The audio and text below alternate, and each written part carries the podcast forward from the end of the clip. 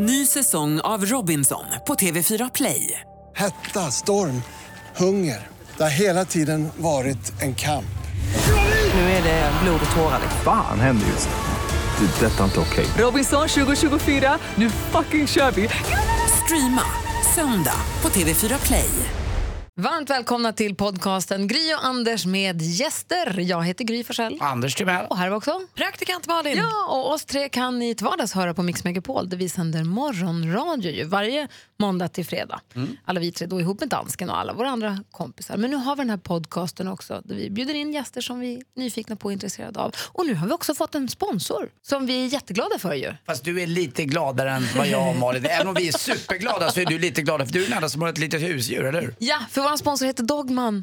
De är Nordens största leverantör av husdjurstillbehör. De har ju inte bara, jag har ju hund, de har inte bara väldigt populära hundben. Jag tror att det är deras bästseller ändå, de här benen som är lite köttlindade. Låter faktiskt gott. Jag blir så hungrig.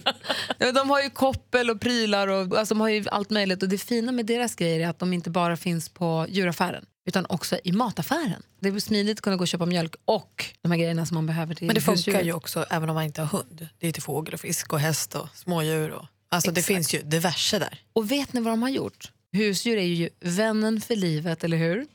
Så Dogman har nu startat en klubb som heter Vänner för livet-klubben. Och då kan man alltså gå in på dogman.se Gry och Anders och så registrerar man sig i Vänner för livet-klubben och så ska man skriva där att man har fått information om klubben. Så skriver man Gry och Anders där bara. Då är man med och tävlar om goodiebags. Det finns fem stycken för hundar och fyra stycken för katter och ett för smådjur. För er, bara er podcastlyssnare. Och det gör man innan den 30 mars. Precis, jag, vet, jag kikade lite på den. Jag blir lite sugen på att vara med och tävla. Jag med. På radion får inte vi tävla våra egna tävlingar, men hur funkar det på podcast? Jag vet, testa och se. Men det hade varit osnyggt kan jag tycka av Dogman om du vann. Okej då. Okej då.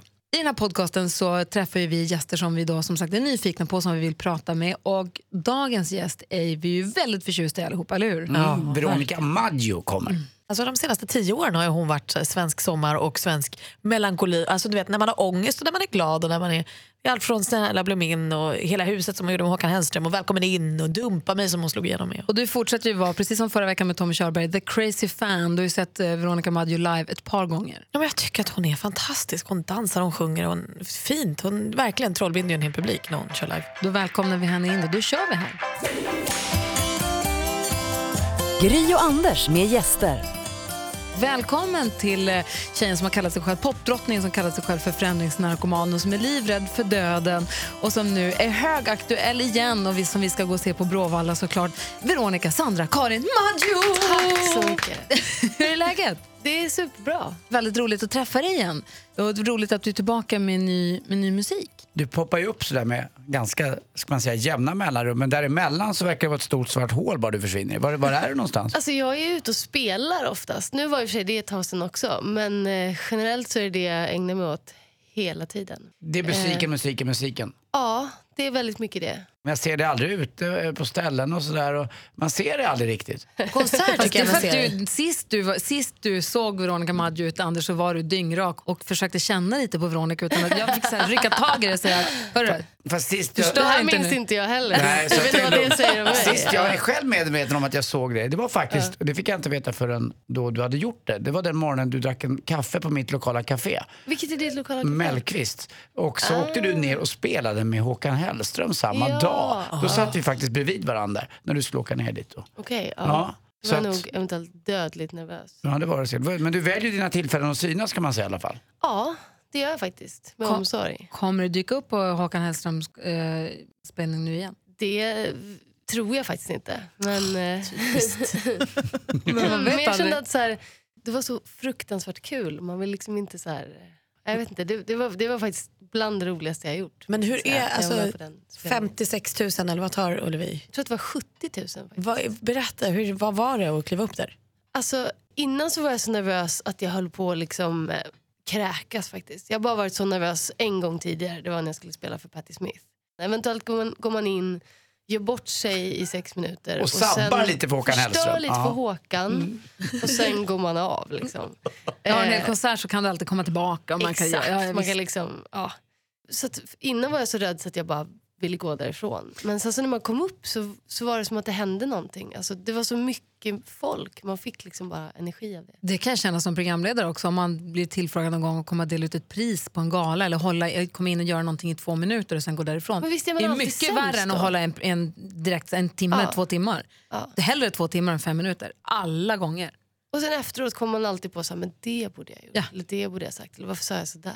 Men det som är så roligt med, med dig är att det går så fruktansvärt bra. Jag, för några veckor sedan nu på internationella kvinnodagen kom ju Spotify ut med statistik på de mest spelade kvinnliga artisterna sen Spotifys grundande. Ja. Och då var du etta av de, Men, kvinnliga, av de vad svenska kvinnliga inte. artisterna och tvåa av både de internationella och svenska i Sverige då, mest streamad. Så det är ju fantastiskt. Det är superkul. Får du prestationsångest? Nu har det kommit en ny singel och det kommer mer musik, antar jag. Ja. Kan du inte känna att du får prestationsångest? För att allt hittills som du har gjort är ju ett succé. Är det Alltså- inte läskigt att behöva överträffa en succé varje gång?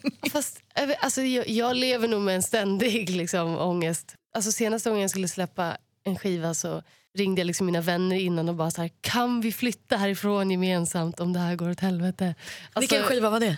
eh, det var handen i fickan. Vadå? Du menar att dina vänner skulle ta ett kollektivt ansvar ifall personen Ja, Veronica alltså jag känner att det är så viktigt. Ja, nej. Men den som är så men, men, att bra. Jag, jag har den känslan i kroppen. Det var samma sak med Satan i gatan. Då låg jag liksom sömnlös hela natten och bara så här, nu är allt över. Jag kommer få överstrukna djur i varenda tidning. Getingar, vad det nu kan vara. Döda humlor. Ja. Men det här måste ju komma någonstans, för det här är ju skivor som är fantastiska och som du har skördat jättestora framgångar med. Känner du aldrig någonstans att så här, det här är bra? Det här, det här gillar vi? Jo, men jag känner det i liksom skapelseögonblicket. när jag kom på idén, då är jag alltid så himla peppad. Och sen så när det börjar närma sig släpp så känner jag bara att jag vill dö. Men, Men känns det likadant nu då? Ja, det känns likadant nu. Du verkar vara en liten och ganska vän människa men ibland får jag en känsla av dina texter att du har levt ganska hårt och på gränsen och att du, att du är lite nästan eh, junkie på vissa saker. Du gillar kickar.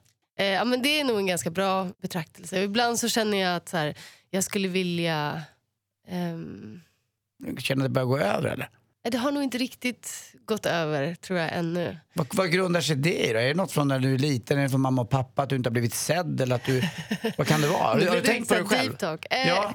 ja, men, jag, jag, vet, jag vet faktiskt inte vad det, vad det grundar sig i. Det, det har jag ingen aning om. Men, Pratar du med någon om sånt där? eh, ja, men det händer. Mm. Professionellt tänkte jag på då. Eh, oroar det lite för mig? Nej, eller? tvärtom. Jag tror att det är väldigt nyttigt att gå och prata med någon. Ja, men det har jag som faktiskt kan, gjort. Att det inte Det ens bästa gjort. vänner, för det har man ju många ryggdunkare. Men Ja. jag tror att man, en helt objektiv person kan ju titta på en utifrån och få...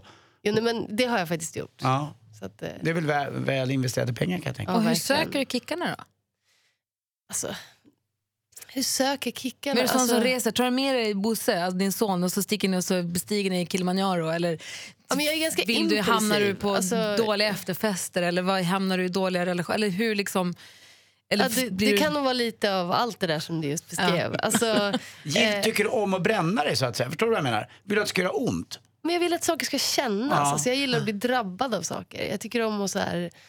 ehm, Är det jobbigt bara med en lugn hemmakväll liksom? nej, nej alltså, så himla rastlös är jag inte. Jag, kan, alltså, jag tycker det är supermysigt med att bara vara hemma och ta det lugnt. Men alltså, jag blir rastlös om det inte händer någonting. Är du den där i gänget som, nu måste vi vidare, nu gör vi något annat, nu, nu, nu går det i stå lite grann när man ska ut och, på en middag och sådär? Både ja och nej. Jag, alltså, som sagt, jag kan ta det lugnt och bara vara på en jättelång middag. Jag, jag måste inte så här, Det handlar inte om att jag måste gå ut. Det handlar mer om att det måste hända nya saker som känns. Och när man har gjort någonting tusen gånger så slutar det kännas. Då Men jag läste någonstans annat. också att du sa någonting om att ja, men det är jag så svårt, jag hittar alltid, hamnar alltid stormiga relationer. Tror jag handlade om pojkvänner. Ja. Jag klarar inte, och jag är ju tvärtom där. Jag skulle aldrig orka med en, storm, ett sto, en stormig relation, det är mardrömmen för mig. Jag skulle inte, jag skulle inte orka med det. Men jag, jag tror aldrig att jag har egentligen önskat mig någon stormig relation Nej. alltså aktivt. Men sen har jag ändå alltid skapat det där kaoset lite. Fast det måste jag säga att jag har eh, dragit mig tillbaka från. jag orkar inte heller med någon stormig relation. Men det är, alltså, när man har barn och allt möjligt sånt så är inte det särskilt kul. Alltså, då har man ju andra prioriteringar såklart. Ja. Eh, men när jag var yngre så för bara några år sedan. jag var så mycket yngre. Så, så hade jag nog det där i mig. Fast jag, det var liksom inte det att jag sökte det. Fast det tror jag inte att någon gör, att man söker det aktivt. Men att man Man dras till den då? Ja, man dras till det. Det är till och med så att man kanske tror att så här, men gud, han verkar så himla stabil och sen så är han inte det. Det, det är som du, du var inne på det Anders tidigare, att man, så här, lite kontrasterna med Veronicas texter och Trubbel i blodet som du sjunger om nu på nya singeln. Exakt. Så kommer du med en liten klockad kjol och en liten prydlig liksom, blus. Och så det blåa håret, vad är det frågan om? Berätta. Men det är kontrasterna. Alltså, eh, jag gillar ändå kontraster. Det hade inte blivit lika kul om jag hade haft en punk-outfit till det här håret. Det blir så förutsägbart. Det är jättefint. Ja, det är verkligen blått. det är superbra. Hur gör du för att orka med då? Tänkte när du skulle på turnéer och annat. Du är ganska... Eh, tränar du någonting eller gör, Ja, gör du andra jag saker? Alltså- vad, vad gör du då? då? Jag är perioder liksom, när det Ja, kommer där till också. träning. Ja, exakt. eh, nej, men jag brukar vara ganska bra på att träna när, när jag väl ska spela. Så att man orkar liksom, en och en halv timme springa fram och tillbaka på scenen utan att flåsa. Eh, och att bara känna sig stark. Praktikant Malin är också en sån som tränar ganska mycket. Och du, du har svårt att vara lite still, eller hur? Ja, men alltså, jag tycker att det är härligt att träna men jag, tänker, jag förutsätter nästan att du tränar. Hade du sagt att du inte tränar hade jag blivit avundsjuk för du är ju väldigt aktiv på dina konserter. Jag har Ja, men- sett det rätt många gånger, det är mycket dans och rörelse och så du är ju verkligen i det. Ja, men det är faktiskt. Att dans vet jag inte så mycket, men det är rörelse. i alla fall. Rörelser, ja.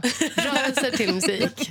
är inte det dans? Ja, det, kanske är, det kanske är dans det som jag ägnar mig åt. Jag vet inte. Det är inte koreograferat i alla fall. Nej, men nej, det är dans. Bråvalla vet vi att du ska spela på i sommar. Exakt. Sommaren 2016 ifall det är någon som lyssnar på podden i långt, långt, långt efterhand. Ja. Eh, Men eh, blir det det enda? Nej, det blir inte den. Det blir enda, den enda festivalen i Sverige. Eh, men det kommer komma fler spelningar. Men vem bestämmer det? Att det är vi fans då som tycker så mycket om det och inte Men jag kommer göra fler andra konserter. Ja, Okej, Alltså, det kommer bli. Men varför, just, varför tar man just Bråvalla? Är det mest hippt eller? Jag som är lite äldre. alltså, Det lät verkligen gammal när du sa så. ja, du gjorde det själv, tio år äldre. Ehm, Ja, 70. nej, men alltså, jag hade så otroligt kul på Bråvalla senast. Jag Eh, också. Det var helt magiskt kände jag. Alltså, det var så bra. Ja, jag kände också det. Man vill vara där. Ja, faktiskt. Ah. Är det Så inte så att de betalar mera? Alltså de betalar mig såklart. Mm. Ja. Kan det spela in också? Eller går, har du så mycket pengar så att du kan egentligen strunta i det då? Men- Nej men alltså, så kan man inte tänka om man vill att någonting ska funka länge. Att man bara går dit pengarna är. Alltså, det, det, det tror inte jag är ett hållbart. Så där är du inte samma Tankesätt. junkie på det att och, Nej, en, nej, penga, alltså- en pengakasse så att säga. Alltså, jag skulle ju vara löjlig om jag sa att jag inte brydde mig om pengar. Men pengar är på intet sätt mitt, liksom, min drivkraft i livet. Jag har aldrig varit intresserad av pengar. Men du Malin, du är en festivaltjej, du älskar att gå på festival. Ja, jag tycker det är himla kul. Jag är lite mer tveksam, jag gillar ju vattentoalett och Det finns många, nu ska jag säga till dig för Ja, okej. Forsell, att eh, festivalerna har utvecklats sen du var där sist. Bra. Man kan, eh, om man betalar lite mer så får man gärna gå på vattenklosett. På, framförallt på Bråvalla har Eller så är man en artist, kö. artist för då har man liksom loger. Precis, och du Ja. känner igen dig, du kan ju vara på VIP-området. Det är hur lugnt som helst för dig. Du kan gå och presentera kanske Exakt. Veronica på, Ja, på Två Bråvalla. ångestladdade minuter. Men Liksom. jag Behöver undrar- en programledare, då kommer jag. Är det redan klart när du spelar? För att man, det vore ju mysigt om du får en kvällsspelning. Det eh, kommer jag att få. Ja! Så det här. Men du, nu kanske jag är ute och cyklar, men var det på, när du spelade på Bråvalla som det var någon som blev våldtagen i publiken? Ja, men gud vad hemskt. Ja, jag tror faktiskt att det var Visst det. var det det? Ja. Oh, wow. Hur påverkar det dig? Då? Tänk, är det något du tänker på? Är det något du, eller har du Alltså efteråt? Ja. ja. men det är ju en hemsk känsla för alla som har varit där.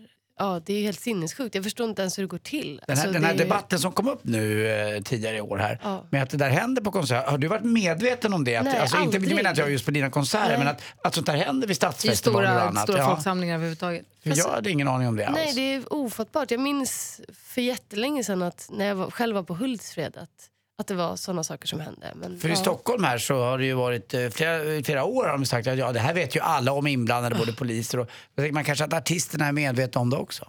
Så jag som har gått väldigt mycket på konsert, det gör ju du också Veronica. Ja. Alltså, att säga, jag, ty- jag upplever inte ens den stämningen när man går. Alltså, Nej. jag, jag känner mig så Nej. trygg när jag går på konsert. Vilket Exakt. Är Man tänker att alla är där med samma fokus och det är att lyssna på musik. Ja. Men ja, det finns dåliga människor även på sådana ställen. Absolut. Och det är ganska mycket fylla också såklart. Jag får se om jag får till det med Bråvalla, men jag hoppas jag kan komma och se den någon gång i sommar. Det ska bli jätte, jätteroligt. Du har ju nu, sen vi hörde av dig senast, har du jobbat med Maja Francis. Exakt. Vilka andra skulle du vilja skriva låtar åt? Eller med? Eh, alltså, jag är nog eh, generellt egentligen mer fokuserad på att skriva till mig själv och så här, vilka jag skulle vilja skriva med. Hur går det till när du skriver en låt? Det är otroligt olika. Alltså ibland, eh, jag får väldigt ofta idéer sent kvällen och liksom spelar in ett röstmemo. Eh, eller skickar sms till mig själv med någon, någon mening som jag kommer på. Mm. Ehm, Men inga speciella miljöer eller tidpunkter eller så? Nej, alltså men jag har blivit så otroligt mycket bättre på att bara på att liksom gå till jobbet. Att, så här, att ha inspiration på beställning på något sätt. Förut kunde jag inte frammana det. Alltså då var jag tvungen att så här, ja, men liksom flumma runt och vänta på att det skulle hända någonting. ungefär. Men nu har jag nog blivit lite mer som en författare. Att jag vet att så här, från 9 till 5 så ska jag komma på någonting bra. Och då har det blivit som att jag har vant mig vid det. Har du någonting i din telefon just nu som vi kan få lyssna på? det skulle jag aldrig i livet spela. Det låter, det låter som en galen människas eh, ja, men mentala anteckningar. Det är bara så här... Och sen, och sen så är det en brygga. Och sen...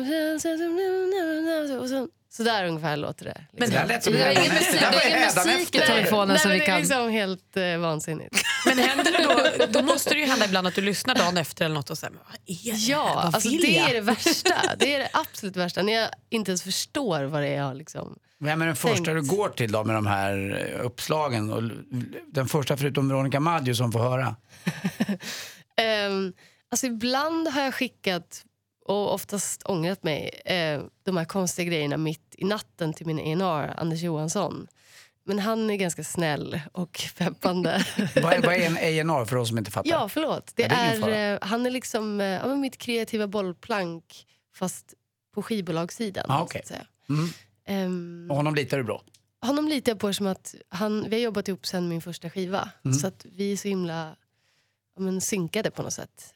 Jag vågar liksom misslyckas inför honom på något sätt. Men annars så brukar jag bara eh, ta mod till mig och spela upp det för den producenten som jag jobbar med för tillfället. Apropå att ta mod till sig. Malin hade en fråga. Du ihåg att du sa att du visste inte, du hade hört från en sångfröken. Men du var inte Ja. säker på om det var Veronica eller någon annan. Nej men precis, jag sjöng med Sanna Hultén som du har sjungit Ja, med. ja, ja, visst. Och då har jag för mig att hon pratade om dig och hur du liksom att ni sjöng tillsammans eller om det här var innan ni började Hon sjunga har ingen tystnadsplikt. det, det här var ju Vad kommer nu? Det är jätteroligt det här. det kanske hon har. Ja, det har Jag, jag jag, jag tror inte det. Jag. Nej men då i alla fall så sa hon att du sjöng på engelska först i början och Ja, inte ja. riktigt hittade rätt. Och inte heller var så sugen när folk sa men testa att sjunga på svenska så var det så nej jag vill inte. Ja, men det, det är helt sant. Alltså, eh, men det här var ju väldigt länge sedan. Jag hade massa olika engelska projekt och skrev allting själv och sådär. Eh, och så här i efterhand så känner jag att det höll inte och det var därför som ingen nappade på det. Eh, men sen så träffade jag då Stefan Gräslund som skrev hela min första skiva. Och det var väl det jag var lite obekväm med. Att så här, jag hade inte samma kreativa kontroll och eh, orden kom inte från mig. Dumpa och, mig. Ja, precis. Det var, det var liksom inte min musik från början. Eh, så jag hade lite så svårt att förlika mig med den tanken. Men sen så hände det någonting.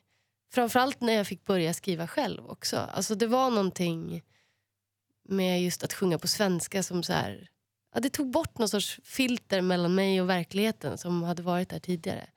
Eh, när jag väl förstod mig på det. Onekligen så berör ju dina texter eh, den här ångesten som vi faktiskt Ja. alla går och bär på. Ibland stor, ibland mindre, men du sätter väl ganska fina ord på det. Tack. Mm. Har, du alltid, har, du, har du alltid haft lite eh, den, den känslan? Ja, men jag har nog alltid haft någon sån känsla i mig som jag ändå försöker springa ifrån på olika Mm. sätt. Märker för det säger många, om man nu går på, till en professionell hjälp så säger många att man ska våga ta till sig den här ångesten, att den är nyttig, alltså att den, man ska inte springa ifrån den. Men det är det jag gör känner jag när jag skriver låtar. Att jag, så här, jag, jag går in ganska hårt eller djupt i den känslan och ja, men gräver fram mina allra mest obekväma och osmickrande tankar och känslor. Är kul när man leker att man är tv-kock. Ni gör det ibland va? Eh, När jag var liten. Ja, Va? Men det har jag väckt ifrån. Ja, även som vuxen ibland när jag ska laga mat kan jag leka. Så, så hackar jag lök. Ja, men då har jag förberett alltså, så här, för att det ska bli roligare. säger du det högt för dig Ja, också? jag leker att någon filmar. För Men att gud, det är så tragiskt. Malin! Nej, det är för att jag tycker att det är så tråkigt att laga mat. jag kan inte säga. Jag blir ledsen, jag blir Det är ju rädd nu. flera gånger man pratar med sig själv hemma, gör jag när jag är ensam hemma. Alltså, Leker man du att någon mat. filmar när du hackar lök? Nej, jag leker inte att det är TV, men jag leker att jag liksom har sällskap av mig själv. Och då gör jag så här, så går jag och öppnar kylen och då gör jag det. Alltså, jag är inte med att jag är någon TV. Min bästa är då också när man har gjort klart, kan jag ställa undan. Men det har jag redan förberett. Nej, det, har du sagt det på riktigt? Jo, men alltså, då leker jag ju. liv? Jo, men då Ja. leker jag ju en lek. Ja. ah, skit i det. Känner du igen dig i det här Veronica? Nej, det gör jag faktiskt inte. Jag har väldigt mycket dialoger i mitt huvud. Så här långa, långa monologer eller dialoger. Men eh, eh, inte just tv-kocksdialoger. Min morfar brukade alltid säga att det är så perfekt att prata med sig själv för då är det ingen som säger emot eller ger en dumma kommentarer. Eh, min parkering gick ut just nu. Förlåt, det tar en sekund. Pang, klart. Jaha, du gör det i mobilen. Ja, mobilen. Du är inte så Ja. gammal. Nu tycker Ja. jag du hämtade hem dina... Jo, eh, hur många är det som känner den, den riktiga Veronica Maggio? Eh, Och vad, vad har du för smeknamn? Alltså den stora frågan är väl om jag ens känner den riktiga Veronica Maggio. Men, Ja. nej, men det kanske är ett tiotal personer eller något sånt. Jag har du några barndomsvänner från Uppsala då eller? Ja, Är de kvar? de är ju väldigt få. Alltså. Varför det? Va? Du är liksom inne på något spår här känner jag. Eh, nej, men det har nog att göra med att jag eh, flyttade runt och bort ganska tidigt. Mm. Eh, och då skaffade jag väldigt mycket nya vänner. Eh, och sen så tror jag att ja, men, musiken liksom tog över mitt liv så otroligt mycket. Och eh, därför så tror jag att väldigt många försvann ut i marginalen på något sätt. Ja, det är så. Vilken är den bästa musikupplevelse du har haft? Oj, vad svårt. Ehm, den bästa musikupplevelse jag haft. En av de bästa var nog faktiskt den där Håkan-konserten. Jag kan förstå det. För det var helt magiskt. Jag pratade med Kerstin Ryhed som körar med Håkan. Hon sa Ja. också att det var helt sjukt Ja, det var att bara få vara en del av det där. Det var, ja, det var som någon sorts... Ja, det var, ja, det var faktiskt helt sjukt. Det var sekt nästan. Ja, som nästan sekt Mm. skulle jag säga. Fast ja. du är ju rätt bra på att få den. Jag såg dig på Kägelbanan heter det va? På Mosebacke. Ja, lite mindre Ja, men, venue. det var lite, Ja. men det var ju också nästan så här religiöst. Alltså, där, du är ju så jävla bra live alltså. Ja, men tack, vad gulligt. Det är din genomsnitts... eh, är det tjejer eller killar som gillar det? Är det, är det yngre tjejer? Det sjuka är att det är ganska jämnt tydligen. Alltså, Ångesten eh, är ju jämnt fördelad mellan, mellan könen. Gud vad hemskt det är bara ångestfyllda personer som lyssnar på Veronica. Du får inte sprida det. Jag älskar Veronicas musik och jag är, har ju ganska ångestbefriad. jag hur säga. harmonisk som helst. Och jag tycker fortfarande att låtarna är asbra. Kan du, jag tänkte på Sia. Jag såg Sia som gäst i Carpool Karaoke han James Corden. Det är, en, det? det är en amerikansk programledare som har talkshow. Så åker han bil med artister och så spelar de, så lyssnar de på musik och så sjunger de med. Och han, programledaren sjunger skitbra så då sjunger de tillsammans artistens låtar. Det är Stevie Wonder och det är Adele och det är alla möjliga. Och då var Sia med och han eh, Coldplay, Chris Martin också. Och så är de roliga och härliga och man bara älskar dem. Men som hon Sia med och jag har alltid haft lite svårt för henne för jag tyckte att det var så fånigt det här med att hon inte ska visa ansiktet. Hon är ju så duktig. Hon har ju varit med i... Ja, förlåt. Hon är fantastisk. Nej, men då när jag såg henne där så förstod jag lite grann vad det var hon var ute efter. Att hon vill kunna vara bara sin sångröst som ju är fruktansvärt bra. Hon sjunger ju fantastiskt bra. Ja. Och att hon har den här peruken för hela ansiktet. Hon tar verkligen bort hela det uttrycket. Men hon slipper också så mycket annat vad det nu innebär med att vara stor i USA dessutom. Ja. Kan du förstå henne eller vad kan du känna inför hela den grejen? Alltså jag är nog liksom ändå inte så här... uh, the knife, jag vill ha ett djurhuvud på huvudet för att slippa synas. Alltså jag är nog... Jag är fortfarande en exhibitionist i grunden men jag tycker om att synas i mitt rätta element. Alltså jag tycker om att synas på en scen eller ja, men där, där jag vill uttrycka någonting. För jag känner ändå att så här, när man får kontakt med folk och det får man lättare om man ändå visar sig själv då är det så mycket värt. Men sen i resten av mitt liv så känner jag inte att jag vill ha kontakt med alla de människorna. eh, och då får man, väl, man får väl skylla sig själv om det ändå spiller över på ens privatliv också. För det får det vara värt. Men jag kommer liksom inte lägga ännu mer ved på den elden. Och så här, eh, ja, men, du vet, det finns ju massa saker man kan göra för att bara synas. Men det är inte jag så intresserad Nej. av. Är, du- är du bra på att se andra människor då? Ehm, Är du omtänksam? Jag hoppas det. Jag, tror, jag försöker det. Men, men ibland kan jag själv känna att så här, just under så här skivsläppsperioder att jag är alldeles för självupptagen och eh, eh, ja, men ångestfylld och tänker jättemycket på så här, "Åh, hur ska det här gå, hur ska det här bli. Eh, och då är jag mm, mycket sämre på att ha tid med andra människor och att här, se dem och deras problem såklart. Men När vi lättar Ja. på trycket, har du någon hobby där? Finns det någon, någon sport eller jag har ingen aning vad du sysslar med? Frimärken eller? nej, alltså, jag kan tycka det är skönt att springa liksom. Ehm, och sådana saker. Men jag, jag har aldrig haft någon så här vettig hobby eller annan sysselsättning. Jag, det här tar upp så liksom mycket tid. Alltså, det finns så många delar av det här som är kul. Hur, hur ska man kunna komma in i ditt liv som kille då? Har du kille? Eh, ja, det har jag. Ja, du har det. Är det någon i samma krets som musikerkretsar också eller? Exakt. Det går inte Vem annars. är det? Det? Men det går, inte- det Han går har inte faktiskt annars. varit med och producerat på den här skivan också. Jaha. Andra gången gillt höll jag på att säga. Som, Det är Harpo. Som någon jag är tillsammans med, med och producerar. Eh, Fast det är inte samma person. Vet vi vem det är? Är det någon vi känner? jag, jag tror inte det. Ka- Claes Gullbrand heter han. Jaha. Ja. Hur var det att jobba ihop med sin kille så tätt då? Alltså först var jag ju väldigt tveksam till det. Och bara, det här ska jag inte utsätta mig för en gång till kände jag. Ehm, Kan du bestämma så över kärlek? nej, alltså snarare att vi skulle... Alltså att jag tänkte att vi inte skulle jobba ihop. Ah, Okej, det var så. Ni Eh. hade fattat känslor för varandra men skulle vi verkligen riskera det genom att jobba tillsammans? Exakt. Eh, men sen så blev det så fint så då kände jag att det fick ändå gå före. Är du, Eh. är du en svartsjuk typ? Och nu måste jag liksom rannsaka mig själv här. Alltså jag är nog faktiskt lite svartsjuk. Kikar du i mobil? nej, gud nej. Nej, nej alltså jag skulle aldrig... Nej, jag jag liksom gör inget åt det. Jag försöker liksom svälja min svartsjuka och låtsas som att den inte finns. Synar han den? Eh, ja, det gör han nog. Fast jag skulle aldrig... Nej, men jag är liksom ingen snokare. Det är inte min... Det syns bara att du tycker om honom nu för när man pratar om det här så ler du på ett annat sätt och du håller händerna på ett annat sätt. Det syns. Okej. Vad kul. Men om du har jobbat ihop med en kille som du har varit ihop med förut, hur vågar du göra, och det var jobbigt utgår Ja. ifrån. Ja. Hur vågar du göra det igen? Men jag tänker att... Eh, jag är nog bara dum, tror jag. Nej, du- talat. Du, det här är på nej, riktigt. Men, nej, men jag känner att så här, eh, i slutändan så går ändå alltid musiken på något vis före. Alltså, det brukar bli så. Eh, jag kan tänka hur många rationella tankar som helst innan. Men sen så, jag kan tänka så här, men det här ska jag inte skriva om. Eller det här ska jag inte avslöja. Eller det här ska jag inte göra. Och sen så gör jag det i alla fall. Så det, det är liksom, eh, ja. Och inte det då kombo av två saker som är svåra, alltså både kärleken då och som du beskriver musiken. Känns som att så här, för man kan ju vara så hjärtekrossad och så tänker man jag ska aldrig gå på det här en gång till. Och så Exakt. blir man kär och så gör man exakt, springer man med huvudet före in i väggen en gång till.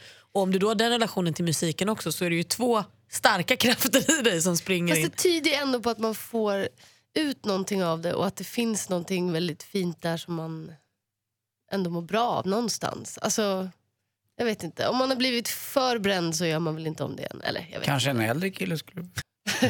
Härligt. Och, men du skaffade ju barn ganska tidigt, var, var det meningen?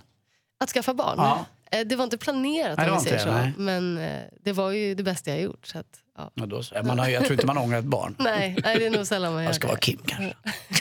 Nej jag skojar, det är min son. jag skojar. Han är 22 nu. Ja, för att utstå det Han är- mesta. Han är det bästa. Ja. Han kallades det lilla äcklet under sitt första år. Han var rätt ful. Bosse kanske är sötare. Gry har ju hedrat dig också. Nu har vi skaffat en hund som heter Bosse. Är det sant? På grund av min son? Nej. Men jag har träffat din son, han är hemskt gullig. Det Bosse sjuka går är att ju jag har hört jättemånga som har en hund som heter Bosse. Ja, men Bosse är världens bästa namn. Det är det ett tycker jag jättebra också namn. till en människa. Ja. ja, det finns många hundar som heter Bosse faktiskt. Eh, nu har du precis släppt eh, singeln, första singeln, den första alltid gratis. Vi Ja. lyssnar på ett litet klipp från den. Första gången, första kyssen, första drömmen är så lätt att fånga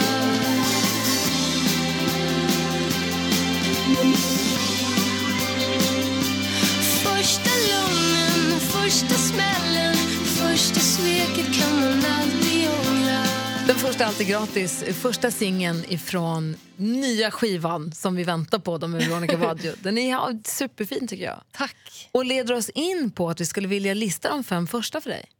Okej, ja, kör. Första jobbet.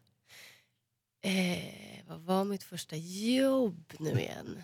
Eh, ja, jag delade ut reklam när jag var liten, men det kanske inte räknas. Jo. Eh, annars jobbade jag faktiskt på min brors restaurang. Det var nog mitt första jobb. Tror jag. Som, Som servitris. Det har du sjungit om. Ja, det har jag faktiskt sjungit om.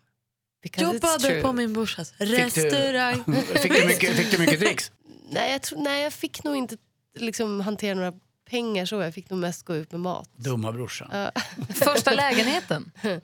Eh, första lägenheten, det var i Uppsala en, en etta på um, Luthagsesplanaden. Åh, så flott. Ja. Lite flott faktiskt. Ja. Första förhållandet. Är det dagis vi pratar om här då? Eller är det liksom, Det får nästan du bestämma själv. Nej, lite, Nej, det- nej, det var- nej, det var lite nog- äldre vill vi va? Lite min, min första pojkvän, kommer jag ihåg, hette Tom och eh, vi gick i högstadiet. Första stora sorgen. Det är så svårt att veta vilken nivå man ska lägga sig på här. Men jag var faktiskt eh, otroligt deppig. Men just i 17-årsåldern. Det var väldigt mycket som utspelade sig då tydligen. Men jag vet inte hur djupt det ska gå, men då var jag liksom eh, deprimerad kan man säga. Då, det var en väldigt sorg, ett väldigt sorgligt år i mitt liv när jag var 17. Man är ju så sårbar i den åldern Ja, också. Man är mellan att vara ung och bli, bli vuxen och börja ta ansvar. Det är en jättetuff ålder tror jag. Ja, faktiskt. Ja, nej, Jag tycker det ska bli läskigt att bli förälder till en tonåring. Åh, jag har, Gud. Vincent fyller 13 i sommar. Nej, är det Jo. sant? Jag vet, Gud. det Ja. går så fort. Ja. Och det, det, är Jag ju är chockad, det jag känner att super- han är sju. Ja, men- ja, och det är superhärligt men det är också läskigt. Man ska ha ansvar för en som är tonåring och någon annans tonårs, eventuella tonårsångest. Då. Ja. Så. Men just det Och där med, spännande förstås. när man bara varit van att så här sk- skydda sitt barn från ja, fysiska faror ungefär. Det brände här, inte Ja, men och- precis. Och sen, jag tänkte faktiskt på det när Bosse var så otroligt ledsen när hans dagiskompis slutade på dagis. Och han bara satt i bilen och grät och så här, jag har förlorat min bästa vän. Och då kände jag så här, men gud, det här kan inte jag ens göra något åt. Alltså, Nej, han måste bara få vara ledsen. och då är han bara fem. Alltså, det kommer bli katastrof. Nej, man, får inte vara för mycket, man vill ju vara höndsmamma eller Ja. hönspappa, men man får inte vara för mycket heller. Nej, jag vill bara curla sönder honom. Ja. Ja, man Men- vill ta ja. allt deras alla, ont. deras, och alla Allt. deras smällar vill man vara buffert mot förstås. Exakt, men det går inte. Det fattar jag också. Mm. Men jag tänkte på det, vad var det vi hörde det någonstans? Jo, jag var och såg Magnus Ugglas föreställning, Magnus Ugglas monolog. Den som han har haft nu, som ska gå tror jag, Göteborg här under våren. Där han pratar om hur hans föräldrar lämnade bort honom, på, han och hans bror på somrarna till någon fruktansvärd tant Ulla som de fick vara hos. Och på helgerna när hans, då var hans mamma tvungen att vila och då tog pappa ut barnen för att mamma skulle vara... Alltså man, separ, man liksom tog bort barnen från sina föräldrar så mycket för att föräldrarna skulle göra vuxensaker och barnen skulle göra barnsaker. Och den enorma separationen ifrån sina föräldrar som han verkade sakna. Och om det är det han kom ifrån, hans föräldrar måste ha varit födda på 20, han pratar om att hans mamma var 95 eller så, nu, så att de måste vara ja. 20-talister då.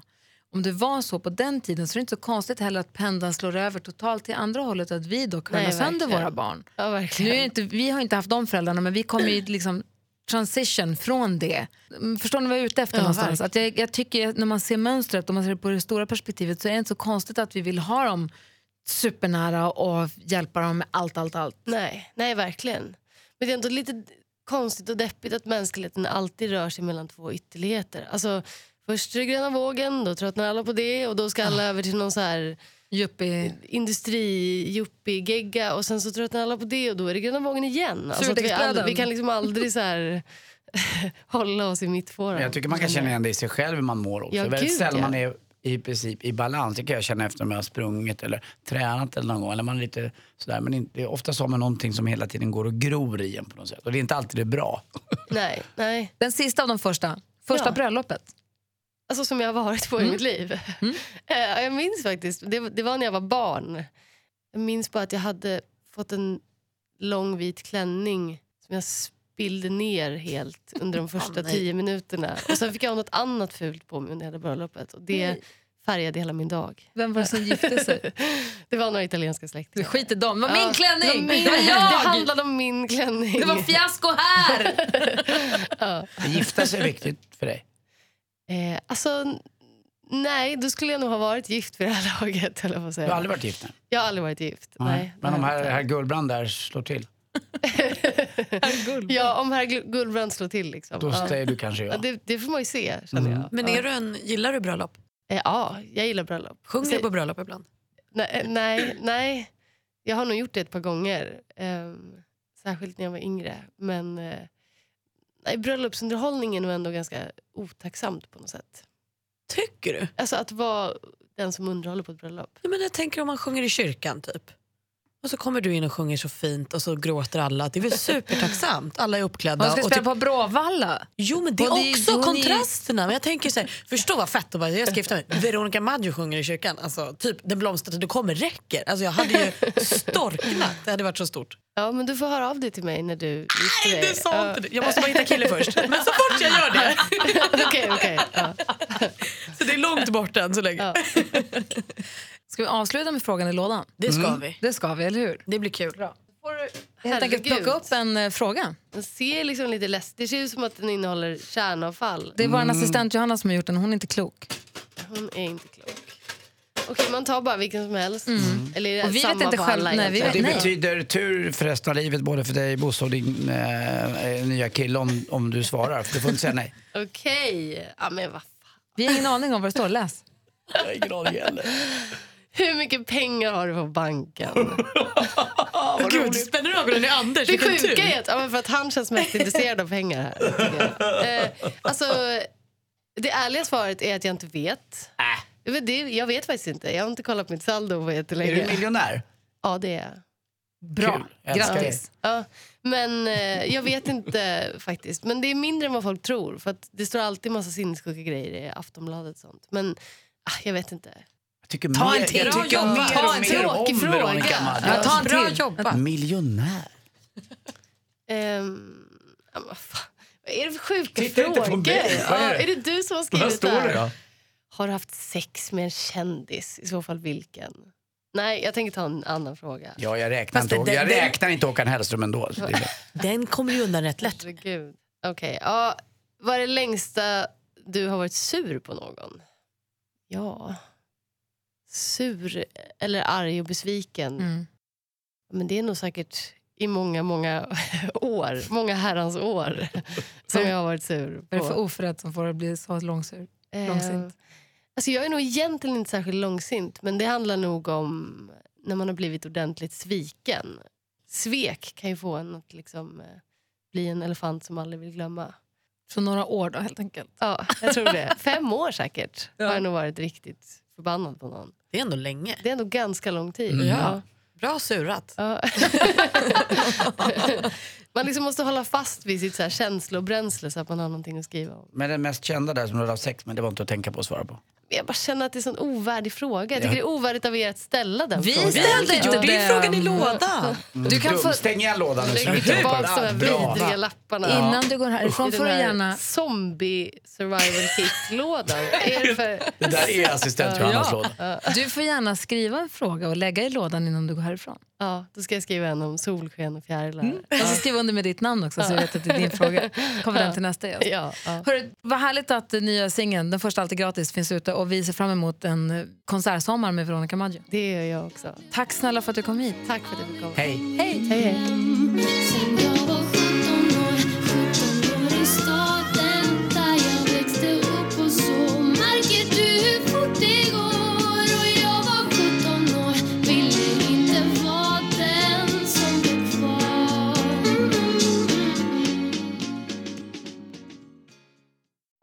Säsong av Robinson på TV4 Play. Hetta, storm, hunger. Det har hela tiden varit en kamp. Nu är det blod och tårar. Fan händer just nu. Det. är Detta är inte okej. Robinson 2024, nu fucking kör vi! Streama söndag på TV4 Play.